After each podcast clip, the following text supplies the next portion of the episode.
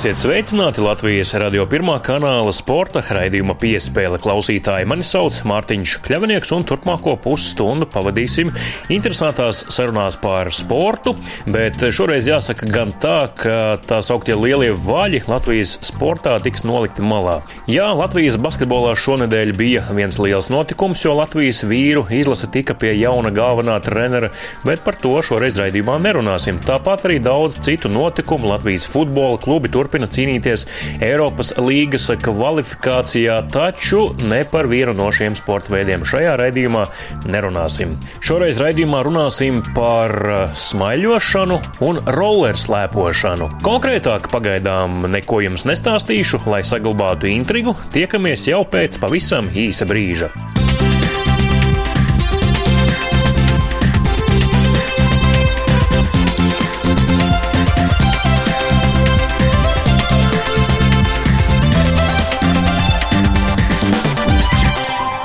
Jūs klausāties Latvijas radio pirmā kanāla sporta raidījumu piespēle. Latvija nemaz nav tik bagāta ar pasaules čempioniem. Droši vien varat nosaukt dažus, piemēram, Māris Strombergs, BMX riteņbraukšanā, varbūt arī vēl daži citi jums uzreiz jau nāk prātā, taču noteikti ir nedaudz jāpadomā, kuram tad Eiropas čempionu tituls, kuram pasaules čempionu tituls gadu gaitā, kuros sporta veidos un disciplīnās. Savukārt, ja runājam par smaiļošanu, tad droši droši vien, ka tur speciālisti ātri vien pateiks, ka nemaz tik daudz titulu kopumā Latvijai nav. Ir labi, augstvērtīgi rezultāti Olimpiskajās spēlēs, taču pagājusī nedēļa šo te faktoloģisko izkārtojumu nedaudz mainīja, jo par pasaules čempionu junioriem vecumā līdz 23 gadiem kļuva Roberts Akmens. Robertam šīs bija pēdējais junioru čempionāts, kurā viņš drīkstēja piedalīties, jo nākamgad viņš jau kļūs 24 gadus vecs. Rumānijas pilsētā Piteštī akmens kāra savā kaklā zelta medaļu, jo finālā uzvarēja distance veicot 35,06 sekundēs.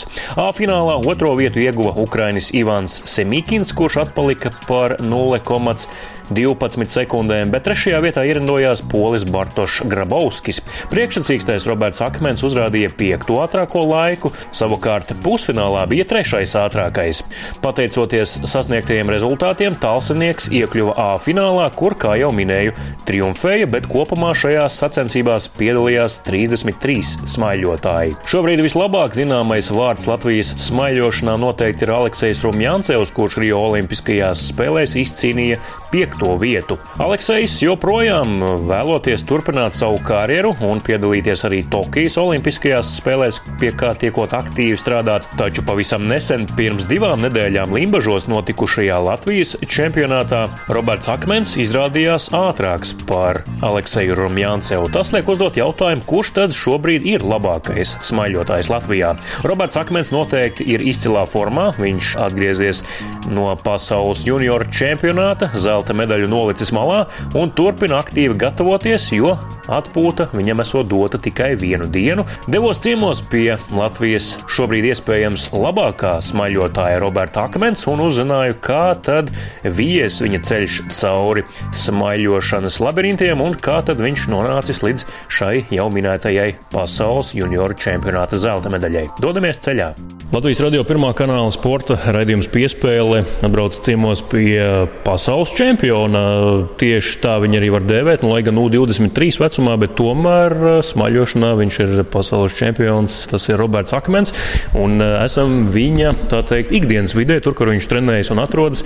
Sveiks, Robert! Sveiki! Tikko pirms sarunas arī paskatījos, kopš ziņu portālos šī vēsts tika publicēta pagājušas piecas dienas. Tu pats esi aptvērs, ko tu esi paveicis pirms piecām dienām. Es pat nezinu, vai to var vispār tā kārtīgi līdz galam aptvert. Tādā ziņā es esmu ļoti priecīgs un gandrīz par paveikto darbu, bet šobrīd par to baigi nedomāju un neieslīgstu atpūtā, bet turpinu cītīgi strādāt, jo pēc Nepilns pusotras nedēļas es jau braucu prom uz pasaules čempionātu, kur startēšu pie večiem. Un, uh, Mēģināšu izcīnīt uh, ceļzīmu uz Olimpādu. Kad mēģināju sarunāt ar tevi interviju, tu teici, ka tas grafiks arī pēc uh, zelta medaļas ir diezgan drastisks. Pastāstīji, cik bieži tu trenējies un cik reizes dienā tu trenējies? Uh, Nu, grūti izskriet kaut kur starp treniņiem, ārā uz Rīgas vai kaut kur citur, jo man treniņš sākās pirmais deviņos no rīta. Uztaisām kopā treniņu uz ūdens treniņu, tad pēc treniņa stundiņa ir atpūta uz svarzāli. Mēs ejam, kas ir paredzēts pēc plāna, vai uz ūdens atkal. Un tad pēc tam ir lielāka atpūta pa dienu, kur es paguļu.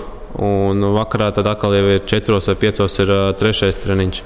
Tā, kā, tā ir gandrīz visu laiku, un katru nedēļu. Tad, kad es atbraucu no pasaules čempionāta, man pa lielam bija viena diena atpūta, jo bija jāsaka, ka treneris atbrauks no čempionāta ar laivu atpakaļ. Ja viņš būtu ātrāk atbraucis, tad man iespējams, ka būtu jau tad jau treniņš, bet tā kā palaimājās, ka viņš atbrauc bija šī vēlāk un ka es varēju vienu dienu vairāk atpūsties. Tāds ir darbs, un, lai sasniegtu mērķus, ir jāiet uz priekšu, lai jākustās, jātrenējas. Nevar arī pārtrenēties, nu ķermenim tomēr vajag savu veidu atslodzi, atjaunošanās laiku, vai tavs ķermenis jau ir pieredzējis gadu gaitā? Mans ķermenis noteikti jau ir pieredzējis pie slodzes, bet, um, piemēram, šonadēļ man tie treniņi ir viegli, lai atjaunotos, bet tiem treniņiem tāpatās kaut kādiem ir jābūt, jo man ir tagad treniņi šeit uz citām muskuļu grupām, lai tas ķermenis ātrāk atjaunojās. Tā nedaudz gremdēsimies tajā patīkamajā nesenajā pagātnē. Pasaules čempions vecuma grupā līdz 23 gadiem. Ko tev pašam tas nozīmē? Tas, ka tu šajā vecuma grupā esi labākais no šiem junioriem. Oi, tas man tas jau godīgi daudz nozīmē, jo šis čempionāts man bija pēdējais šajā grupā, jo visu vairāk es pielīties nevaru pie 23, jo man šogad ir 23 gadi jau. Piecus gadus cīnījos par to, lai es beidzot sasniegtu šo rezultātu, ko es gribēju, un nenormāls prieks par to, ka uh, tieši pēdējā čempionātā man sanāca izcīnīt šo zelta medaļu, jo ļoti liels prieks. Jo visus gadus es esmu bijis ļoti tuvu, es esmu bijis 4, 5, 6 bet nekad pasaulē trīniekā vēl nebija. Beidzot, tieši pēdējā čempionātā man izdevās eh, izcīnīt zeltu. Tu esi domājis, kas būtu, ja nebūtu tā medaļa? Kā tu tiktu ar sevi galā vai sakopot domas? Es nezinu, es tādu domu mēģināju nemaz nedomāt, jo es diezgan neveiksmīgi nostartēju Eiropas Sudus-3 čempionātā, kur es izcīnīju septīto vietu. Nezinu, kas notika. Vai nu fiziski es jutos gatavs, varbūt psiholoģiski līdz galam nebija gatavs.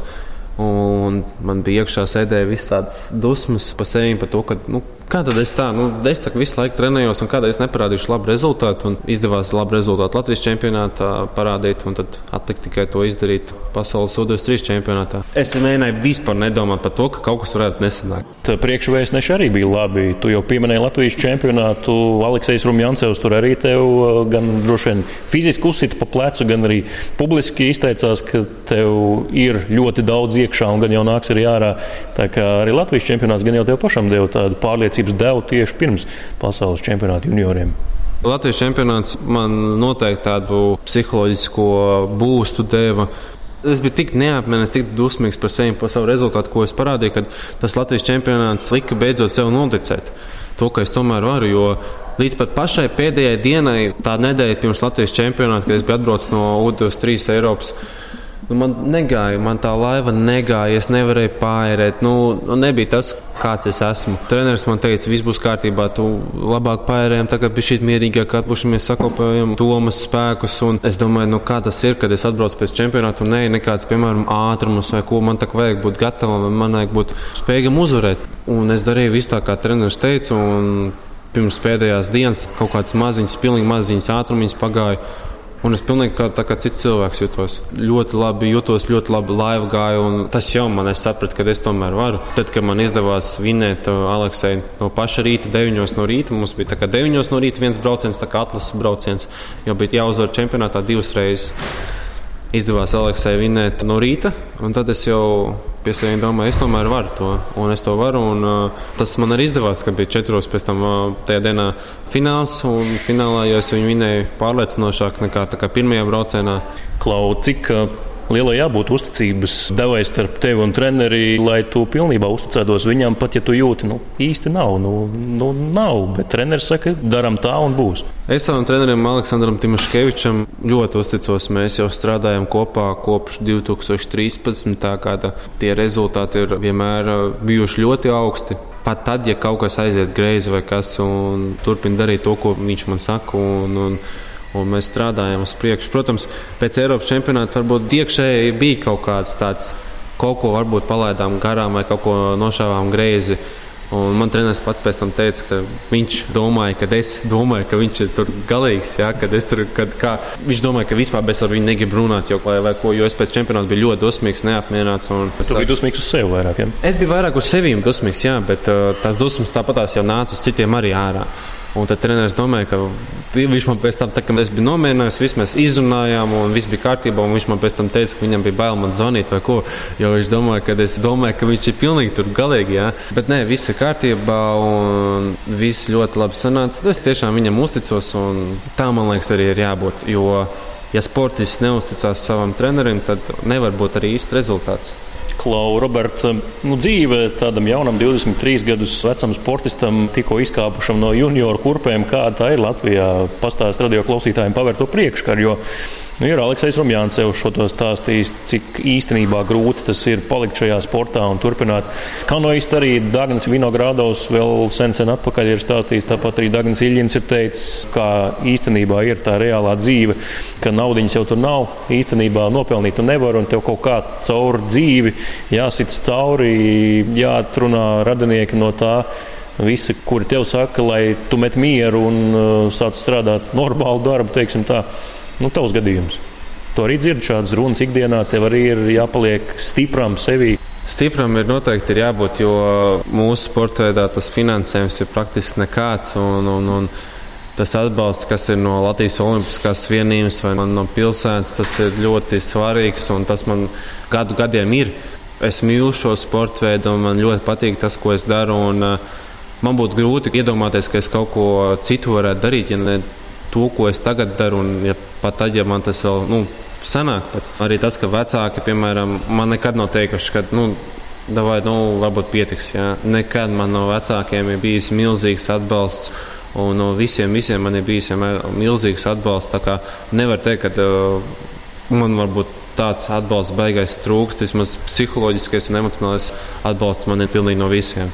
Ja būtu tas mantiskais atbalsts, tad būtu vispār super. Tas tieši tas finansiālais atbalsts, tad būtu ideāli. Tad es nevarētu pat sūdzēties ne par ko. Bet es mēģinu vienmēr saskatīt visā to labo un to gaismas stariņu, kad kaut kur tomēr viss jau ir labi. Šobrīd tev noteikti motivē tas lielais mērķis pārēt Tokijas ūdeņos pēc gada, vai ne?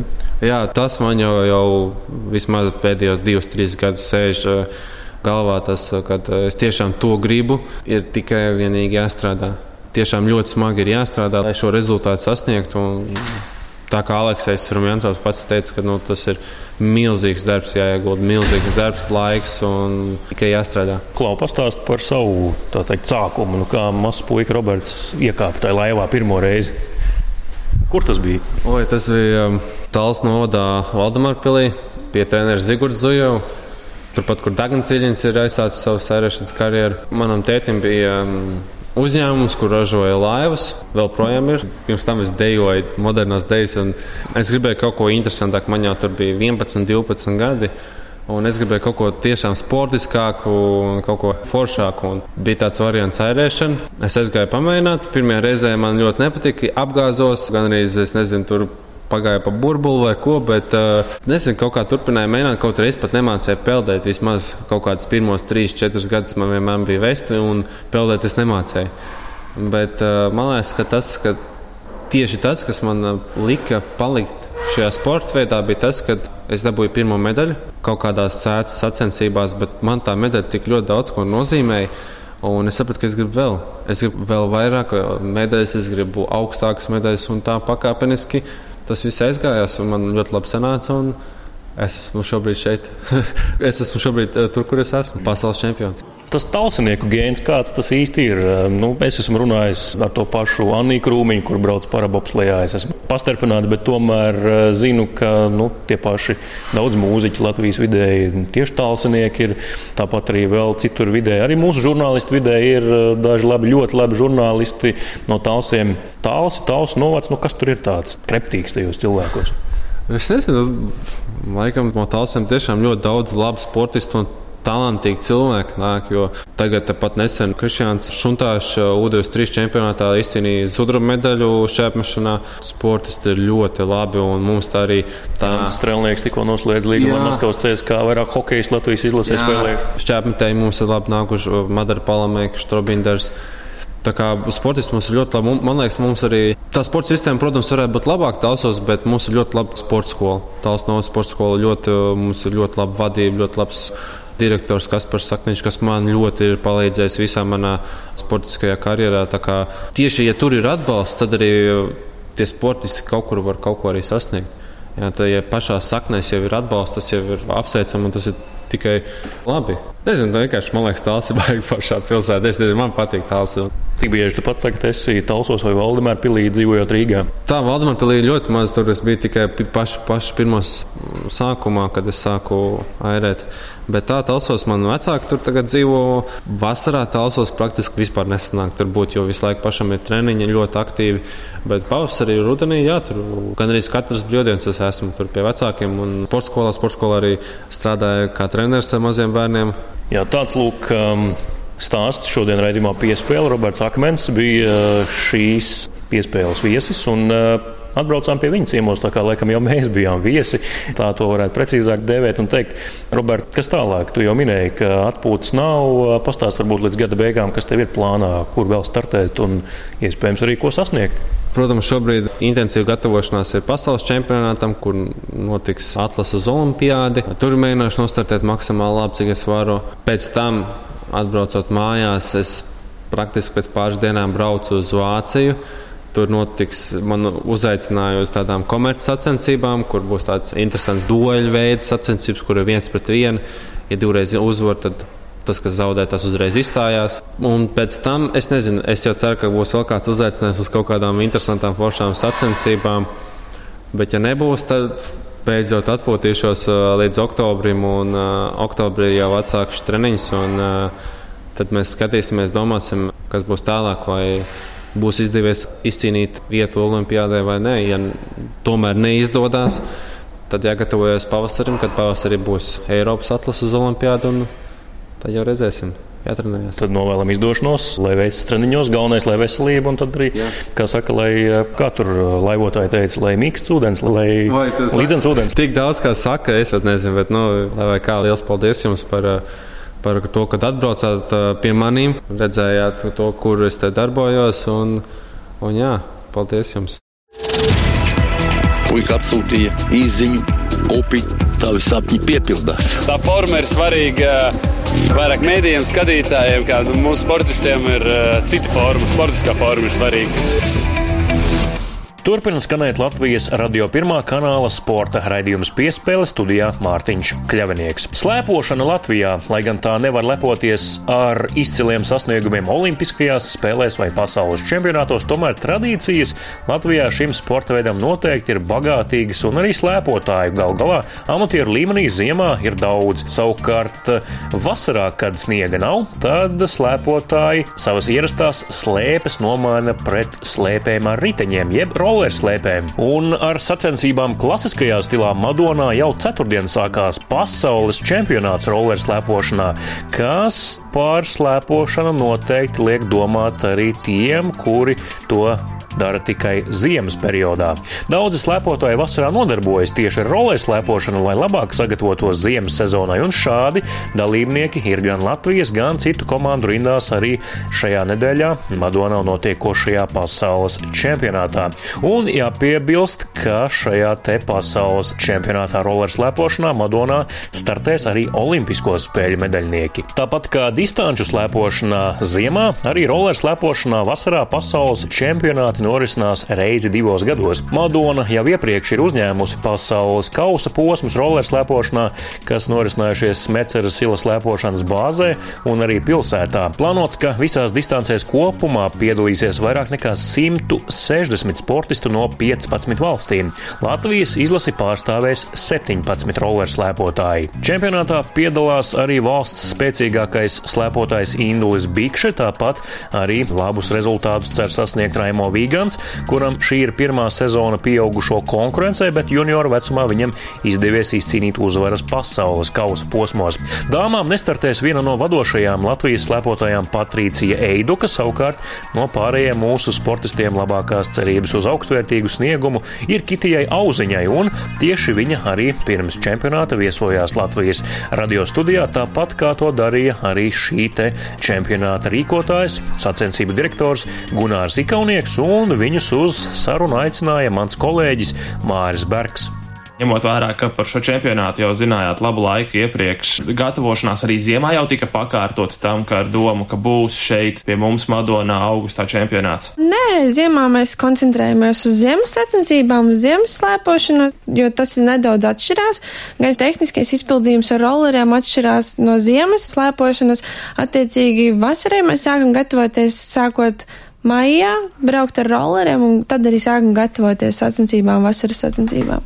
Ziemā slēpos sniega, roller slēpošana un klasiskā slēpošana sniega, tāda kā mēs to pazīstam. Tas ir pilnīgi kaut kas dažāds, atšķirīgs, vai tomēr pa lielam tas viss ir viens un tas pats. Roller slēpošana un distanču slēpošana atšķirās. Jau vien no tā, kad mēs stāvam uz slēpēm un vasarā uz rolleriem. Vasarā tas ir lielāks ātrums, savādāki apstākļi, ātruma pretestība. Un ziemā, protams, ir apgrūtinājums ar sniegu, ar laikapstākļiem. Arī atšķirās tehniskais izpildījums ziemā. Tas ir savādāks nekā vasarā, jo vasarā ir ātrums un ir uz šiem rolleriem ir nepieciešams pielāgot arī tehniku un inventāru nedaudz ir jāpamaina. Kas tieši tur mainās? Ritentiņu izmēri, materiāls, no kā viņi ir gatavoti. Kas ir atšķirīgs, ko var mainīt tām slēpēm? Ziemā šīs slēpes mums pie kājām vidēji ir 1,80 m, 1,90 m garas. Vasarā tie ir rolleri, kas ir aptuveni 70-80 cm gari, un attiecīgi viņiem virsū ir ritenīši, kur ir dažādas cietības, kuriem iekšā ir dažādi gultņi, kuriem var attīstīt dažādus ātrumus, un attiecīgi arī sacensībās šiem rollerslēpošanām mēs uh, izmantojam dažādas cietības riteņus kuri ir ātrāki un lēnāki, kuri ir nu gatavoti no kaučuka. Un šie cietākie riteņi krietni ātrāk ripo un var pat attīstīt ātrumu līdz 50-60 km/h. Ziemā slēpotājiem ir ļoti daudz dažādu slēpju komplektu, kas ir paņemti līdzi sacensībām. Cik roller slēpotājiem ir ritentiņu komplekti līdzi sacensībām? Ritentiņu komplekti uz sacensībām tas ir no katra sportista paša atkarīgs, cik viņam ir nepieciešams, bet pa lielam man personīgi ir vismaz pieci pāri pieci komplekti sagatavoti, jo ir sacensību riteņi, ir treniņa riteņi, ir arī lietus riteņi un, protams, vēl ir rezerves riteņi, ja nu kas kaut ko notiek, jo visādi notiek. Ziemā skaidrs slēpes ir jāsmērē ar smērēm un tā tālāk. Kā rollerslēpotāji gatavojās savās sacensību dienās? Ko jūs darāt? Roller sacensību dienās mums ir oficiālais treniņš. Būtībā šī iesildīšanās ir praktiski tāda pati, kā iesildoties pirms ziemas sacensībām, bet Mans tehniskais rollera pārstāvis pārbauda manus uh, ratiņus, manus ritentiņus. Tas ir mans tētis. Uzasinām nūju galus, lai labāk durās asfaltā. Un ejam uz startu. Palielam ar neko daudz tas nešķirās. Ziemā slēpes tiek arī gatavotas. Nedaudz ilgākā rolleri pirms starta, bet es teiktu, ka vasarā šī sagatavošanās ir nedaudz vienkāršāka nekā ziemā. Tavuprāt, šim sportveidam pasaulē ir iespējas kļūt lielākam un populārākam? Vēl vairāk attīstīties nekā tas jau ir attīstīts šobrīd. Jebkurā gadījumā, un ar katru gadu šis sporta veids attīstās un palielinās, un ir redzams daudz dažādās valstīs, kur šie ziemas sporta veidi nav attīstīti, rollerslēpošana attīstās un parādās kā jauns sporta veids, un ir ieinteresēti cilvēki. Šobrīd Ķīna ir ļoti uzņēmusies šī sporta veida popularizēšanu un attīstīšanu kā arī citas valstis kā Brazīlija, Spānija, Filipīna, Taizemē ļoti attīstās šis sporta veids. Jā. Kāda ir tavi plāni pēc pasaules čempionāta? Sāks uzreiz gatavoties ziemas sezonā vai tomēr vēl roller slēpošanas sezona iet uz priekšu? Pēc pasaules čempionāta Madonā mums turpinās sezona, pasaules kausa posma ietveri. Mēs turpinam trenēties, braucam uz nometni, uz Otapu Igaunijā, un pēc tam mēs braucam uz pasaules kausa posmu Krievijā, pēc tam uz Itāliju, un tad jau ziemas sezonai sākam gatavoties pamazām. Tā kā nemirkli mēs neapstājamies, neatslāpstam, turpinam sportot un gatavoties sacensībām.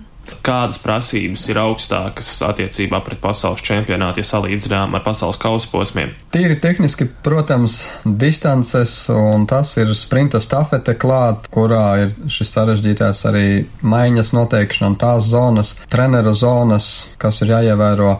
Bet, nu, tā ir tehniski, jā, tās lietas, nu, kā minēja, pasaules kausā nemaz tik daudz neatšķiras. Organizatoriski, nu, tas ir lielākais pasaules čempionāts, tas ir galvenās sacensības jebkurā sporta veidā tāpat arī rollerslēpošanā. Smeceres silā esat veikuši arī kādas izmaiņas īpaši gatavojoties šim notikumam? Jā, Smeceres silā ir notikušas lielas izmaiņas ar um, Latvijas izglītības un zinātnes ministriju atbalstu. Ir um, notikusi rekonstrukcija šautuves starta finiša zonā ir šobrīd uzliets jauns asfalts, paplašināta starta finiša zona, kas nodrošinās šo sacensību sekmīgu norisi.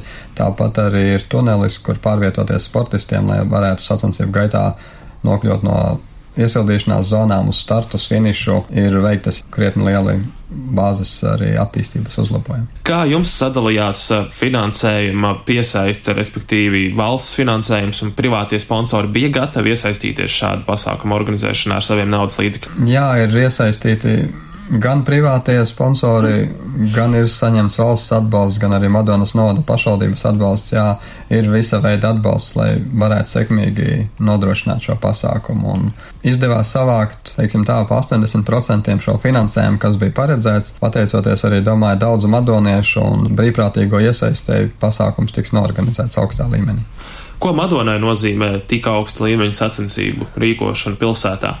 Madona ir pilsēta un novads, jā, kura iet attīst arī šo sporta un atpūtas bāzes meceres sils, kura ir mērķi, lai Madonā pulcētos uz sacensībām, uz dažāda veida sacensībām sportisti. Tas tāpat ir visu viesnīcu ēdināšu pakalpojumu šīs bizness, kas tiek nodrošināts dažādā veidā, jo šī cilvēku masa, kas ierodas uz tādu mazu pilsētu kā Madona, ir salīdzinoši ļoti liela. Tas ir būtiski arī šajā ziņā un domāju arī madoniešiem pasākums kā tāds, arī jaunajiem sportistiem. Un tomēr pirms četriem gadiem sākot organizēt šos pasaules kausus, kad pirmoreiz tika roller slēpošana arī tīri no sportista, un tāda viedokļa bija nedaudz savādāk. Šobrīd tas pavelk arī jaunatni, arī vecākus, kuri ved uz treniņiem bērnus.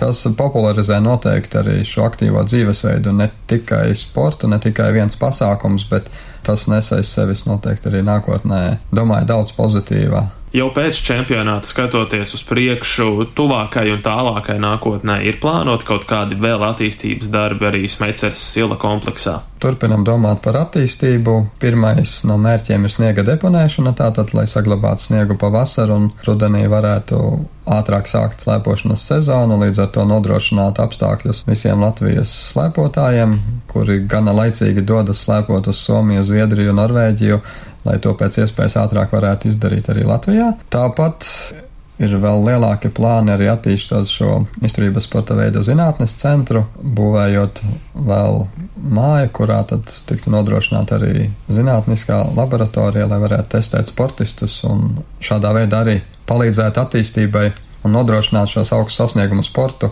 kas ir nepieciešams, jo nu, bez uh, medicīnas, sporta medicīnas šobrīd nav iedomājami sasniegumi tādos sporta veidos kā distanču slēpošana, biatlons, roller slēpošana. Cik lieli ieguldījumi tam provizoriski ir nepieciešami, lai šo visu varētu uzcelt, sagatavot, un cik ilgā laikā galu galā tas arī varētu būt gatavs? Plānojam optimistisko scenāriju, ka 3-4 gadu gaitā varētu to visu paveikt projektēt. Nu, sniega deponēšanu noteikti plānojam ātrāk realizēt, bet tā plānojot šīs visas ieguldījumus, tie varētu būt 5 līdz 6 miljoni vēl eiro, lai varētu paveikt šo plānoto šobrīd. Viņš bija tāds motivators, ka es arī gribu būt tur, kur ir viņš un darīt to, ko viņš dara. Visiem spēlētājiem mēs ticam, gaidām, un, un vēl nekas nav beidzies. Vismaz viens spēle mums noteikti. Jā. Sporta raidījums piespēle, līdz ar to arī šoreiz izskan. No jums atvados es, raidījuma vadītājs Mārtiņš Kļavinieks, arī mans kolēģis Māris Bergs, kurš palīdzēja veidot šo raidījumu, un arī skaņu operators Valdis Raitums. Pirms pavisam atvadāmies, vien vēlējos atgādināt, ka raidījumu piespēle varat klausīties gan Latvijas radio mājaslapā, gan arī arhīvā. Tāpat meklējiet to arī jebkurā jums ērtā podkāstu jeb audio emuāru lietotnē tīmeklī. Uz tikšanos jau pēc nedēļas!